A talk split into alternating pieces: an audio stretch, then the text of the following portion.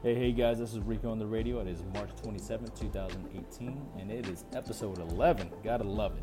If you guys have had, had a chance to go check out the Mother Ruckers, Paul Anvil, and the boys marching their way 22 miles a day to DC to promote suicide prevention within our veteran community.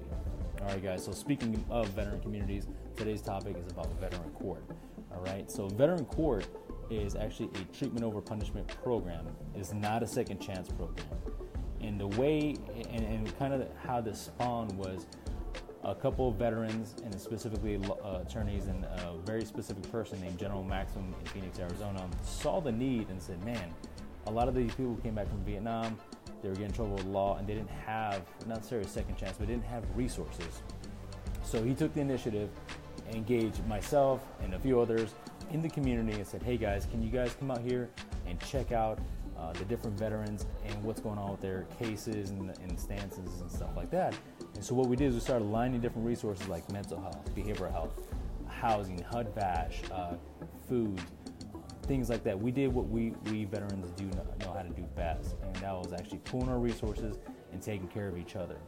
So that actually spawned out to a bigger, bigger thing called the East Valley Veteran Court System, which even kicks more ass and they bring in veterans and they say, hey, let's look at your charges. Now, some of the charges are criminal, some of the charges are civil, um, and even with the criminal cases, uh, you can't get away from how severe they are in regards to like extreme assault or assault with a deadly weapon, uh, extreme DUI. However, this program that they put together, which consisted of mental health, behavioral health, substance abuse, anger management, and all the community resources, helped show great intention and spoke to the veteran character so that the judge can say, hey, you know what, I think I definitely need to look at this a little bit better.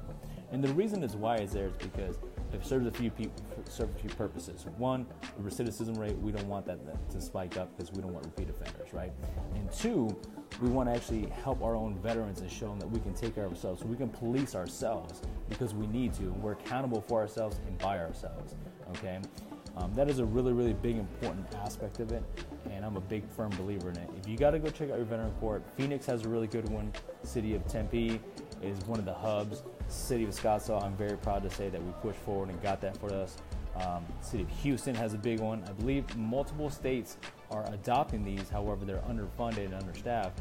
So, what I would my tactical exercise to you guys and my call to duty and the roll call to you guys and, and to y'all is to step forward. If you're in a good place uh, with your you know, service connected disability and you know the way and whatnot, step forward, help your veteran out, and do what you can for them.